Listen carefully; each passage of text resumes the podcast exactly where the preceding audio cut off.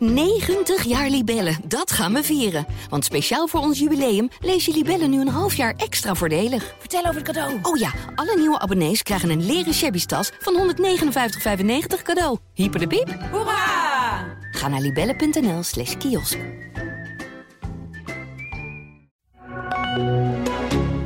Is de AD Voetbal Podcast met Etienne Verhoef. Een ouderwetse bekeravond. Op het veld is het bij Feyenoord nog rustig. In de top rommelt het weer ouderwets. Ook in Groningen ruimte voor een ervaren assistent. En FC Twente Ajax de volgende test voor Jans en Heitinga. Dit is de AD Voetbal Podcast van 9 februari met Sjoerd Mossou. Ik zal eerlijk toegeven, Sjoerd, het was 4-3. Ik zei tegen jou, nu kunnen we opnemen, dus veilig. Maar die bekerwedstrijd bij Feyenoord was krankjorum tegen NEC. Ehm, de, de Vereniging ter Bevordering van de woorden kolderiek en eh, krankzinnig eh, kan tevreden zijn. Want dit was, eh dit was eh, ouderwets, ja. Ja, En, en net, net, steeds als je dacht dat het beslist was, liep het toch weer helemaal anders. ja Het was, het was geweldig. NEC stond 2-0 voor. Die rode kaart besliste eigenlijk die wedstrijd in het nadeel van NEC dat Feyenoord terug kon komen tot 2-2. Verlengen. Ja, 3-2, 3-3, eh 4-3, 4-4. En strafschop uiteindelijk die beslissing brachten. Ehm, als je de statistieken even er puur op nakijkt. Hè, 50 schoten, waarvan 27 op doel voor Feyenoord. En dan vier doelpunten maken. Dan mag je toch afvragen wat ze aan het doen zijn met het afwerken. Ja, dat, kan- dat kan beter. Hè? Eh, onze trainers zijn dan vroeger altijd, eh, donderdag trainen we op afwerken. Ja, nou ja. Kan Arne Slot nu ook gaan doen, ja. Nee, het was... Het was ehm, ehm, ja, die wedstrijd hebben we laatst gehad van AZ tegen Utrecht natuurlijk, die 5-5. Dat was ook zo'n wedstrijd waarin niet alleen heel veel goals vielen, maar ook nog ongelooflijk veel kansen, waar het spel eigenlijk voortdurend open lag. Ehm, ja, deze, de- deze trainers gaan hier nog eens naar kijken. En Slot in het, in het bijzonder, die zal blij zijn dat ze gewonnen hebben. Maar die gaat dit natuurlijk nog even analyseren en die gaat daar, eh, daar even wat eh, kritische kanttekeningen bij plaatsen. Dit kan natuurlijk niet. In, in eigen huis eh, vier goals tegen krijgen tegen NEC, dat is natuurlijk, eh, ja, dat is natuurlijk beroerd. Ja, ja en, en dan koppel daar PSV aan hoeveel kansen ze daar kregen. Hoe weinig Feyenoord eigenlijk scoort. Hoe, hoe, hoe moeizaam ze tot scoren komen. Dat is toch wel eh, een dingetje aan het worden. Ja, maar dat, dat hebben we vaak geconstateerd. Hè. Ze, hebben, ze voetballen over het algemeen eh, natuurlijk goed. Eh, nu niet helemaal, want ze, dat lag achterin eh, veel te vaak open. Maar ehm, zeker in aanvallend opzicht, in het, in, het, in het druk zetten, in het energie in wedstrijden stoppen, dat doen ze natuurlijk hartstikke goed.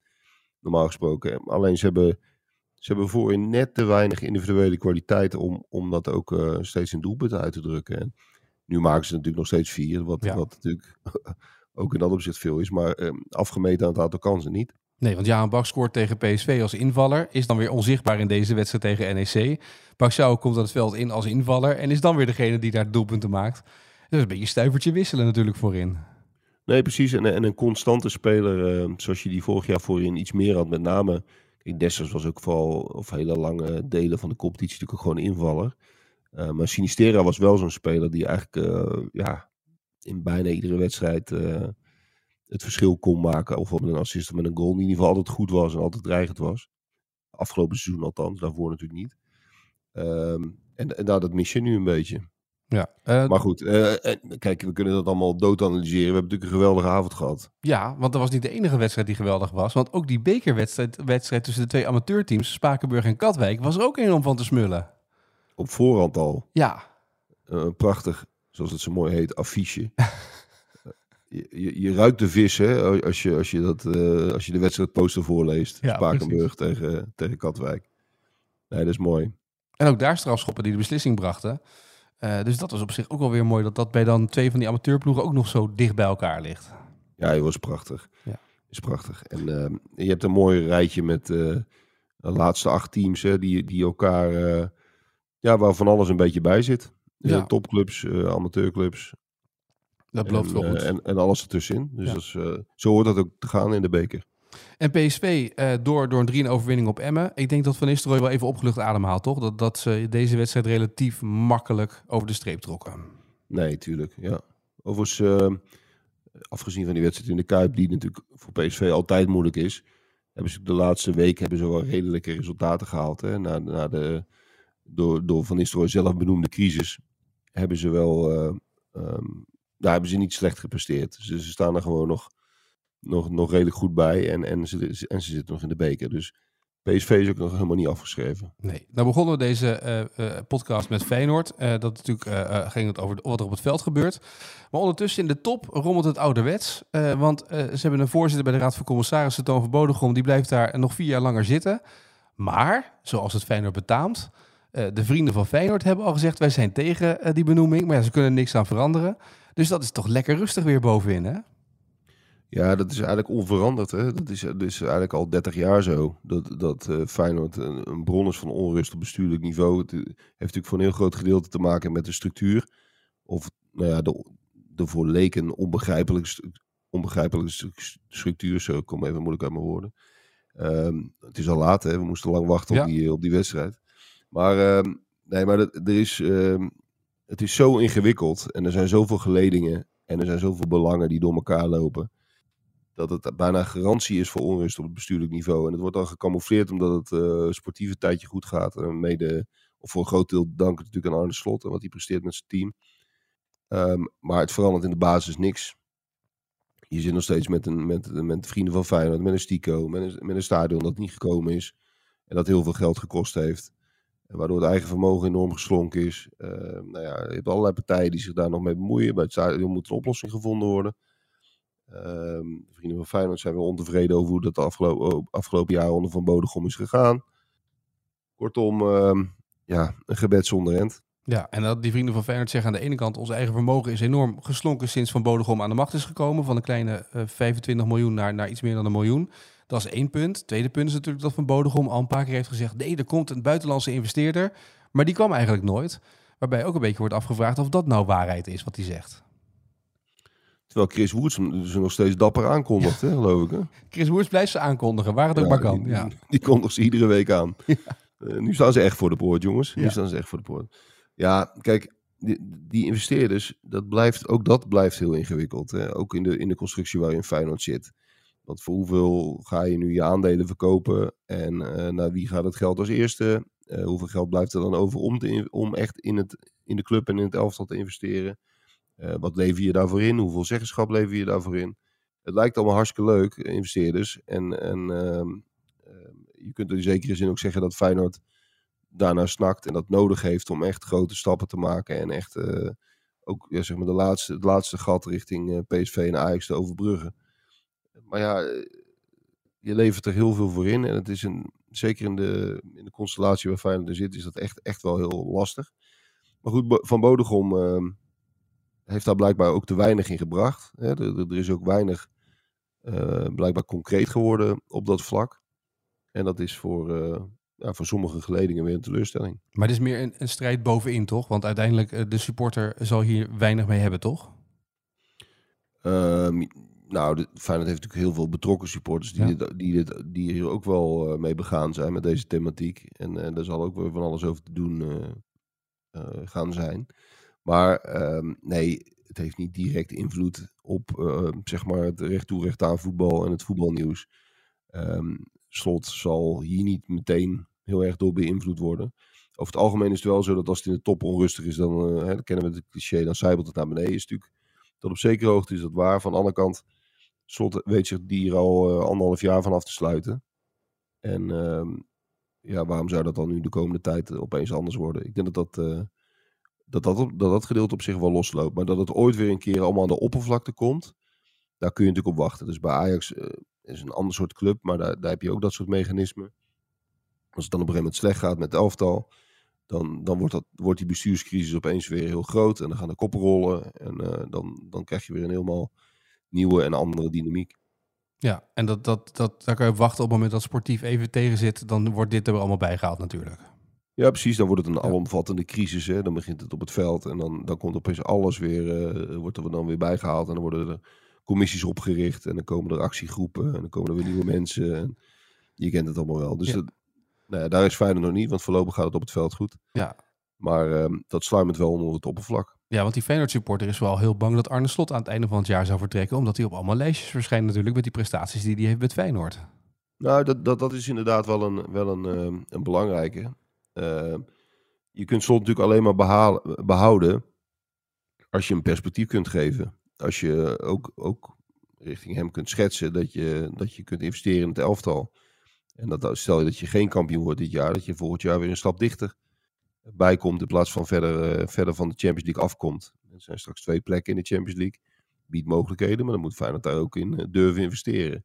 Als dat niet kan, dan, dan wordt het moeilijker om slot te houden. Want dat is inderdaad een ABC'tje dat de clubs in, in, nou, toch wel relatief in de rij voor hem zullen staan. Ja, uh, nu al wordt hij genoemd, toch? Bij, bij tal van clubs. Ja, dat is logisch, toch? Als je zo presteert in Europa. Ja, natuurlijk is dat logisch. Ja. ja. En als je dan een Engelse club om de, om de hoek uh, komt kijken die zegt: We hebben een uh, fortuin liggen, dus wat wil je investeren? Dan hebben we natuurlijk een heel ander verhaal. Ja, zo zie je maar hoe, hoe gek dat eigenlijk is. Hè? Hoe afhankelijk voetbalclubs vaak zijn van één of twee poppetjes. Je hebt het bij Ajax natuurlijk ook gezien toen Overmars wegviel. En vervolgens Den Haag. Ja, toen, toen bleef er eigenlijk van de hegemonie van Ajax en de, en de, en de oppermacht. Daar bleef opeens heel weinig van over. En dat komt wel weer terug, want ze zijn bij financieel een enorme voorsprong. Dus linksom of rechtsom um, zal Ajax over de lange termijn altijd, uh, altijd uh, de, beste zijn waarschijnlijk. Maar dit soort uh, figuren zijn wel van cruciaal belang. Je noemt al een paar keer Ajax. nog even terug naar de podcast van gisteren. Toen hadden we met Johan Inan over de uitspraken van Van der Sar. En wat hij zei over november met de trainer. En dat ze toen al dachten over een assistent erbij te zetten. Maar één ding hebben we eigenlijk nog niet besproken. Dat is dat Van der Sar zei. Dat hele verhaal wat jullie in het AD hadden staan. Ja, dat was allemaal maar eigenlijk onzin het op neer, toch? Ja, zoiets zei hij inderdaad. En, en vervolgens kwam er niet echt een argumentatie waarom dat dan precies onzin was. Volgens mij liet hij vallen, als ik me goed herinner, dat hij... Hij ontkende dat hij met Kroes gesproken had. Ja. Met, met Alex Kroes. Uh, nou ja, dat stond ook helemaal niet in het artikel dat hij dat had gedaan. Dat, dat hebben wij nooit gezegd of geschreven. Dus dat was niet echt een, uh, een argument. Ja, god, ik, in algemene zin... Um, ik vond dat hij op zich wel een redelijk goed optreden had, uh, zeg maar, voor zijn doen. Het was natuurlijk ook een warm bad, hè, dat Ziggo. Mm -hmm. Met, met oud-voetballers vooral. En, en dat is natuurlijk nogal een verschil met uh, ja, een soort verhoor voor een camera. Eén um, op één. En daar heeft hij veel moeite mee. Op die persconferentie was dat natuurlijk ook uh, duidelijk te zien. Dit deed hij veel beter. Dat, dat, dat, was, dat was duidelijk. En wat, wat ons artikel betreft, ja, mensen kunnen het nog eens nalezen. Het ging om de reconstructie uh, een jaar na Overmars. Hè. Dat is, ja. uh, volgt een beetje op het ontslag van Schreuder. En wat daar staat over wat er achter de schermen gespeeld heeft. Met de aanstelling van een beoogde technisch directeur, namelijk Alex Kroes. Oude eigenaar van Go Ahead, die zijn aandelen al verkocht had. Omdat hij een persoonlijk akkoord had met de RVC van Ajax. Ja, dat klopt allemaal. Ja, ja. kunnen hoog of laag springen. En van de zaak kan hoog of laag springen, maar dat, dat klopt gewoon. Ja, dus heeft hij uh, heel zorgvuldig zijn woorden gekozen dat hij zelf niet met Kroes heeft gesproken. Dat klopt natuurlijk, want dat hebben andere partijen gedaan. Uh, de voorzitter van de Raad van Commissarissen. Exact, dat is ja. een slimmigheidje ja. om, om daar een soort van uit te komen. Maar dat heeft er nooit gestaan, dat Van der Sar met Kroes gesproken heeft. Nee. Um, want, want Van der Sar hoorde van de RVC dat dat de topkandidaat was en, en, en wilde het liever anders. Ja. En dan koos hij voor Ramstra en Huntelaar. Precies, met alle gevolgen uh, voor Ajax van dien, uh, dit seizoen in ieder geval. Um, uh, overigens, hij is in Schwoen. De trainer van 70 plus, de voetbalpensionado, die toch nog even al zijn ervaring in de strijd moet gooien om een club te redden. We hebben het gezien met Dick Advocaat bij ADO Den Haag. Ja, Lodewegens is iets jonger volgens mij, maar bij Ajax. Maar Groningen dacht, weet je wat, hebben we ook iemand in de buurt zitten? Ging een telefoonboekje langs en kwamen bij Hans Westerhof. Je bent er bijna vergeten, maar Hans Westerhof... Schitterend Hans Westerhof, ja, een buitengewoon sympathieke man. Ja. Moet ik zeggen. Dat is een van de aardigste mensen in de voetbalwereld, zo'n beetje. Um, en ja, dat is een, inderdaad een soort uh, trend, hè. En uh, dit is eigenlijk een soort... Uh, mijn collega Martijn van Beter kwam met het prachtige woord trainerfluisteraar. Ja. De, train, de trainerfluisteraar, dat is, een, dat is een soort fenomeen dat je in Nederland vaker hebt gezien met Guus Hiddink. Ja. De PSV, die, die, die was, dat was ook een soort trainersfluisteraar in de tijd van Van Bommel, denk ik dat het was. Nee, Hiddink was met Cocu. Cocu, Cocu, ja. ja. En, uh, en Van Bronckhorst natuurlijk met de advocaat. Ja. Ja, dat, dat is een soort ja, labmiddel um, bij uh, clubs die een beetje in de penarie zitten en een trainer hebben die nog niet zo ervaren is. Dan, dan wekt dit op zijn minst de illusie dat, dat er wat, ja, wat backup is. Ja, misschien helpt het trainers soms. Ja. Geen idee. Ja, Ja, die- nou ja, bij, bij Van Bronckhorst hielp het. Ja. Dat, dat was vrij duidelijk. Daarvoor ging het ook zo slecht dat het niet slechter kon, maar toch. Ehm, ja, als, als trainers zich daar comfortabel bij voelen, in dit geval is de Dennis van der Ree, dan is daar natuurlijk op zich niks mis mee. Ik, ik weet alleen niet of het op termijn eh, heel veel effect heeft. Nee, ja, ik vraag me dan ook af, zeg maar, dat Hans Westerhof, dat je uit je pensioen komt en dan kom je nog voor zo'n groep te staan en dan sta je daar als, als 72-jarige man als assistent erbij en dan even als soort van, Ja, wat, wat, wat ga je dan doen? Een beetje het goede gevoel terugbrengen zoals Beenakker ooit deed toen hij bij Feyenoord even binnenstapte om het over te nemen op het einde van een seizoen? Nou, wat ik hiervan begreep is, is hij meer zeg maar de coach van de coach. Hè? Ja. Dus, dus hij, eh, hij loopt een beetje mee met die trainingen en eh, geeft vervolgens Dennis van der Ree wat, wat feedback van goh, ik zou eh, dit of dit anders aanpakken of let, let hierop. Op zich is het, ja, mag hè. Nee, ja. Ik bedoel, het is verder niet wereldschokkend. Maar het is inderdaad een truc die wat vaker wordt toegepast bij, bij clubs in, in, in crisis. Om, om te voorkomen dat, dat je een trainer misschien al te snel moet ontslaan naar je zin. Ja. Je zit even in een periode om het, eh, om het een beetje te camoufleren en een beetje op te rekken. En Welke 70-jarigen hebben we nog over die we nog kunnen inzetten? Ja, Don Leo natuurlijk. Ja. Maar die doet, het, die doet het niet meer, Nee. helaas. Wat natuurlijk heel jammer is, want dat, wat mij betreft had hij tot in de eeuwigheid had hij door mogen gaan in zo'n rol. En Adam Bos doet het ook niet meer. Die Nee. is er ook vrij rigoureus in. Die, die, die, die komt liever af en toe in Panenka. Of op Instagram zijn, zijn mening geven. Ehm, Er was een tijd bij Excelsior dat, dat eh, ineens Rob Jacob samen met Thijs Liebrechts het wel wilde over gaan nemen eventjes, omdat het zo slecht ging bij de club. Dat je Ah, denkt, ook ja, mooi, ook mooi. Ja, je hebt, kijk, en je hebt eh, Henk de Kater is nog geen 70, denk ik, of wel? 66 Maar- volgens mij toch? Ja, maakt ook niet zo uit. Maar dat, dat zou misschien nog een keer kunnen ergens in een bepaalde constructie. Bij Go Ahead of zo. Of eh, nou, bij NAC heeft hij een verleden. Misschien kan, kan die nog eens een keer ergens opduiken. Dus, dat soort trainers zijn er nog wel. Mhm. Ik weet niet of iedereen het wil. En het moet ook net in de combinatie passen. Ja, ook dat inderdaad. Ja, dat is inderdaad wel een hele belangrijke. Ik zag trouwens nog een aardig bericht uit Duitsland. In het kader van buitenlands voetbal. Een operazanger inhuren om meer volume te krijgen op het voetbalveld. Is ook wel bijzonder. Is bij een speler van Bayern München gebeurd. Die kwam erachter, ja, als ik dan schreeuw in het veld, dan ben ik vaak hees, ben ik mijn stem kwijt. Dus die is naar een operazanger gegaan. Eh Opa Kano, die is daar, eh, die is daar naartoe gegaan om, om beter te kunnen schreeuwen tijdens wedstrijden. Oh, wat slim. Ja, Nou, ik, ik moet eerlijk zeggen, ik, ik, heb dat, eh, ik heb hier ook last van in het veld. Ik, ik raak ook eh, na, een, eh, na een keer of vijf mijn stem kwijt. Dat is echt zo. dan zou ik toch maar eventjes misschien nog even een operazanger opzoeken. Ja, ik vind het een hartstikke leuk idee. En kijken wat het Ik heb, ik, oplevert. heb, ik heb zeer weinig met opera, maar als het helpt, dan, dan ga ik er langs. Nou, bij deze de tip. Eh, dan even naar de bekerwedstrijden, de laatste bekerwedstrijden waarbij Twente Ajax natuurlijk het meest in het oog springt. Hè? De test voor Ron Jans. Hè? Kan hij eh, met eh, Twente nu wel het verschil maken tegen Ajax of Heitinga? Hoe gaat het met Ajax nu in een echte testwedstrijd, in een echte wedstrijd waar het, waar het echt om gaat? Ehm, eh, wat verwacht je van deze wedstrijd na het zien van deze bekerwedstrijden de- dit, deze dagen? Nou ja, dat belooft wel, toch? Het, het, het, blijkt wel dat, eh, en dat is natuurlijk niks nieuws, maar dat, dat, die bekerdynamiek is toch echt anders. Omdat, omdat je toch een soort van alles of niet speelt, wat op zich voor de hand ligt. Maar je ziet het wel vaak terug in, in wedstrijden, dat, dat het net even anders verloopt dan je misschien verwacht. Dat, dat ploegen wat meer veerkracht hebben, wat meer eh, durven soms in bepaalde fases van wedstrijden. Dus het levert hartstikke leuke wedstrijden op. En dit zijn twee, over het algemeen, leuke, leuke ploegen om naar te kijken.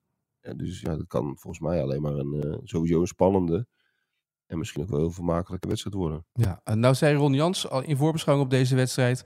Dit Ajax is een compleet ander Ajax dan een maand geleden, waar ze tegen in de arena tegen gelijk speelden. Eh, maar zoveel anders is dit Ajax toch niet? Nee, er zijn een paar poppetjes verzet, maar hij doelt denk ik vooral ook een beetje op het gevoel in, in dat team. Mhm. Er was natuurlijk zoveel chagrijn. En in, in voetbal ja, is amateurpsychologie niet te onderschatten. Dat is- speelt een grotere rol dan je soms misschien eh, zou willen of denken. Maar ja, dat, dat, dat kan echt een groot verschil maken. Ehm, er was zoveel twijfel, er, was zoveel eh, ergernis, dat het een beetje op slot zat. En dat is natuurlijk wel af. En dat wil niet zeggen dat alles is opgelost onder Heitinga, helemaal niet. Ze moeten nog getest worden op, eh, op serieus niveau. Nou, dat gaat dan tegen Twente waarschijnlijk gebeuren, maar het is wel zo dat... Kijk, het is niet zo dat als het een keer eh, bij Ajax in fase van wedstrijden misgaat, mis, eh, gaat, dat er meteen een soort neerwaartse spiraal ontstaat. En dat was natuurlijk op een gegeven moment bij Schreuder wel zo. En dat is soms, het, soms is dat het voordeel voor de korte termijn van een nieuwe, nieuwe trainer. Dan is dat er even af. Maar of dat eh, ook hier geldt, of dat op de lange termijn eh, stand houdt, dat moeten we nog maar zien. Ja, we hebben in ieder geval vanuit de top 5 tenminste drie ploegen die nog doorgaan in het bekertoernooi. Eh, twee gaan er afvallen. Ehm, dit is voor Twente natuurlijk ook wel eh, een, een wedstrijd voor hun om in dat bekertoernooi verder te kunnen gaan. Hè, als al zoveel ploegen uit de top 5 eruit, eruit zijn.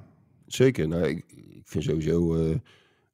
Ik hou het meest van de KNVB-beker als er wat ploegen zijn die zeg maar onder de top zitten en voor wie dat ook echt een hoofdprijs is. Nou, dat geldt voor Twente.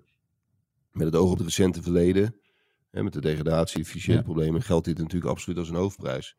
En, eh, en dat is alleen maar mooi, maar dat geldt ook voor, eh, ja, die zijn uitgeschakeld nu, maar dat gold ook voor NEC natuurlijk. Zo'n soort club. De- dat zijn eh, clubs die dromen van de Kuip. En misschien is voor de neutrale toeschouwer is, noem maar wat, Ajax PSV eh, kwalitatief gezien eh, de beste finale.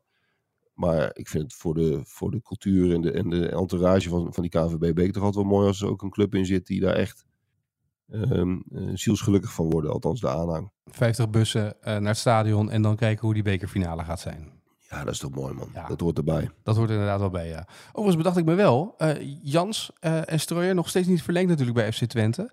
Ehm, eh, is het logisch dat zij nog een jaar doorgaan? Ja, god, eh, wij- zijn natuurlijk relatieve buitenstaanders. Maar je zou denken dat het vrij logisch is. Want het gaat, eh, het gaat niet heel slecht. Nee. Nee, en, en Jan Strooijen doet over het algemeen eh, natuurlijk normale, verstandige dingen. Er staat een vrij herkenbaar elftal. Met veel, eh, toch wel relatief veel Ne- Nederlandse jongens als je het vergelijkt met andere clubs. Spelen herken, herkenbaar voetbal. Maar je hebt, op een gegeven moment heb je altijd in zo'n organisatie heb je ook mensen die, ja, die vinden dat het over een andere boeg moet. Die, eh, Ron, Ron Jans en eh Jan Strooijen zijn wat ouder. Dus moeten misschien wat dingen gemoderniseerd worden. En wordt er misschien, eh, moet er misschien nog ergens een keer bezuinigd worden. Daar, daar zullen ook ongetwijfeld stromingen zijn die vinden dat, dat de schuld sneller moet worden afgelost. Nou ja, eh, ik, kan, ik, kan daar niet, eh, ik zit er niet dicht genoeg op om te beoordelen welke kant het op gaat. Maar dat zal ongetwijfeld de discussie zijn, want anders was het al lang verlengd. Ja, ook voor Jans zelf natuurlijk. Hè. Wil je nog een jaar door? Ik bedoel, het, het gaat natuurlijk nu goed, maar ja, de kans dat het dan een jaar erop minder gaat, wordt alleen maar groter natuurlijk. Ja, volgens mij, eh, ik heb, ik heb ze laatst nog allebei vrij lang gesproken. En ze waren vrij, eh, wel vrij duidelijk dat, dat ze op zich wel door willen. Ja, Maar dat, dat, dat ze het alleen doen als, als daar volledige rugdekking is. En dat de club dat ook met zijn volle verstand wil. En ze praten eerst met Strooijer. En, en dan pas Jans. Nou ja, als Strooijer niet doorgaat, eh, dan gaat Jans ook stoppen. Dat is vrij duidelijk. En als Strooijer doorgaat, gaat Jans ook door. Ja. Dus het is, of, het is allebei of niet. het zou zomaar kunnen zijn dat als dit bekerresultaat goed is tegen Ajax, dat ze dan vrij snel bekend gaan maken dat de contractverlenging een feit is, toch? Mooi opportunisme is dat, hè? Ja, ja, nee, maar dat is het moment dat je moet doen. Er zijn ooit voetballers die een vet contract kregen bij een club, omdat ze één keer goed speelden in een topwedstrijd. En dan vervolgens eh, eh, daarna eh, nooit meer gezien zijn bij een club natuurlijk. Hè? Zo kan het ook gaan. Ehm, we gaan naar het slot van deze podcast en dan eindigen we altijd met eh, De vraag van vandaag. de vraag van vandaag heeft alles te maken met FC Twente Ajax. Hij kwam gisteren overgewaaid uit Enschede van Johan Inan en dit was de vraag voor jou, Sjoerd. Ik wil graag van Sjoerd weten welke vijf spelers komen morgen tegen de club uit waar ze een deel van hun jeugdopleiding hebben doorlopen. Zijn er twee die nu bij Ajax zitten in de selectie en drie bij FC Twente. En dan reken ik gemakshalve Isam Almaaj, derde of vierde keeper bij Twente, niet mee. Nee, die rekent hij dan niet mee, dus dat wordt het wat makkelijker voor je, hè? Zo, is- zo, zo is hij dan ook wel weer. ja, god, eh, is er een zandloper? Of, eh, Nee, of is geen er geen zandloper. zandloper? Nee, geen Nee, oké. zandloper. want en, en even voor de, voordat ik eh, nu ga te raden. Het zijn wel gewoon echte spelers, hè? Niet, niet eh, obscure linksbacks van het tweede en, en dat soort dingen. Nee, eentje denk ik dat die wat lastiger is, moet ik eerlijk zeggen. Die had ik ook niet zo 1, 2, 3 oké, geweten. Oké, maar het zijn wel gewoon... eh, Ja. ja. Ehm, nou ja, pas, Pasveer natuurlijk Ja. sowieso. Ehm Seruki sowieso. Ja, En Czerny. ja. Nou, nu wordt het moeilijker. Eerste voor Ajax.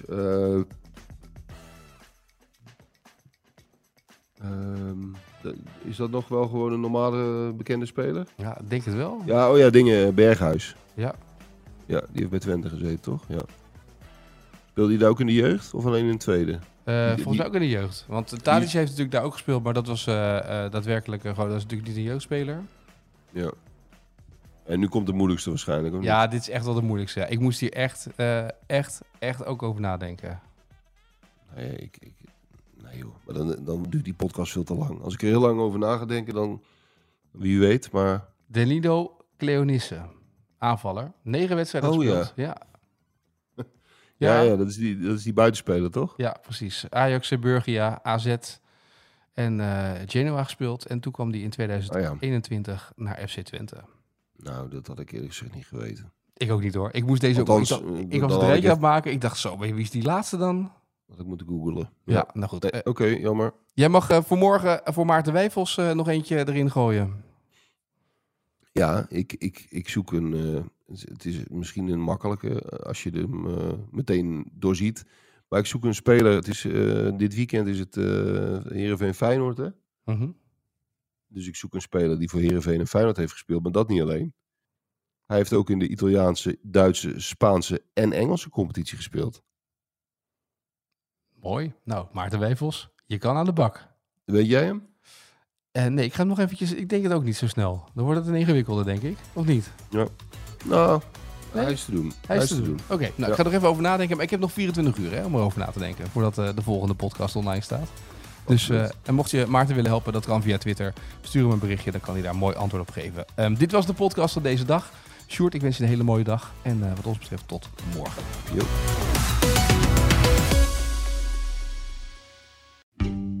90 jaar Libellen, dat gaan we vieren. Want speciaal voor ons jubileum lees je Libellen nu een half jaar extra voordelig. Vertel over het cadeau. Oh ja, alle nieuwe abonnees krijgen een leren shabby tas van 159,95 cadeau. Hyper de piep. Hoera! Ga naar libellen.nl slash kiosk.